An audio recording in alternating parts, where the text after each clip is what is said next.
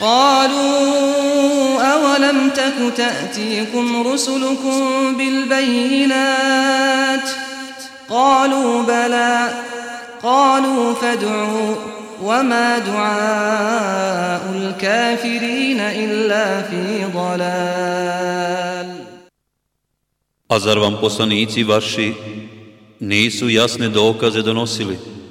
Upitaće oni. Jesu, odgovorit će. Molite onda vi, reći će oni. Ali će molba oni koji nisu vjerovali uzaludna biti.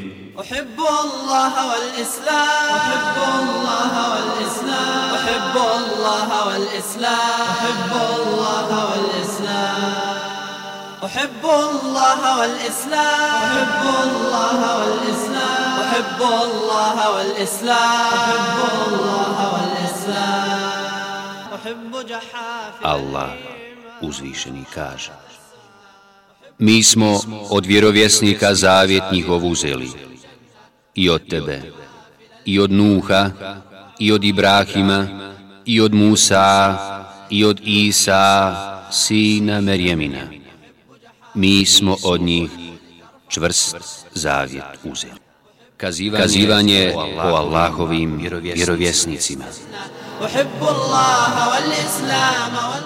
Kazivanje o Ismailu, alaihi selam.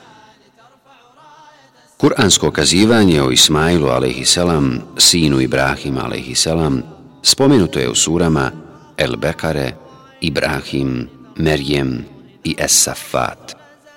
Allah uzvišeni opisuje Ismaila, alaihi selam, kao blagog i strpljivog. On kaže, Mi smo Ibrahima obradovali dječakom blage naravi. I kada on odaste, toliko da mu u poslu poče pomagati, on reče, Sinko moj, u snu sam vidio da treba da te zakoljem, pa šta ti misliš? Oče, reče on, uradi onako kako ti se naređuje. Vidjet ćeš ako Bog da, da ću biti strpljiv. Allah uzvišeni ga opisuje i drugim osobinama. Uzvišeni Allah kaže Ispomeni u knjizi Ismaila, on je ispunjavao dato obećanje i bio poslanik, vjerovjesnik. Svojoj porodici je naređivao da obavljaju namaz i daju zekat. I njegov gospodar je bio zadovoljan ime. Allah uzvišen je pobio sve neistine o Ibrahimovoj, Ismailovoj, Ishakovoj i Jakubovoj vjeri, koje mu pripisuju i nađije i neznalice. Uzvišeni Allah kaže, ili vi govorite, i Ibrahim, i Ismail, i Ishak, i Jakub, i potomci su bili jevreji ili kršćani. Reci, znate li bolje vi ili Allah, Ismail a.s. je bio poslanik stanovnicima Mekke i susjednih mjesta, to jest plemeno Džurhum, Amaličanima i Jemencima. Ismail a.s. se bio ženio jednom ženom i otac mu je naredio da je pusti, pa je to i učinio. To je bila Ammara bin Sad el Amaliki.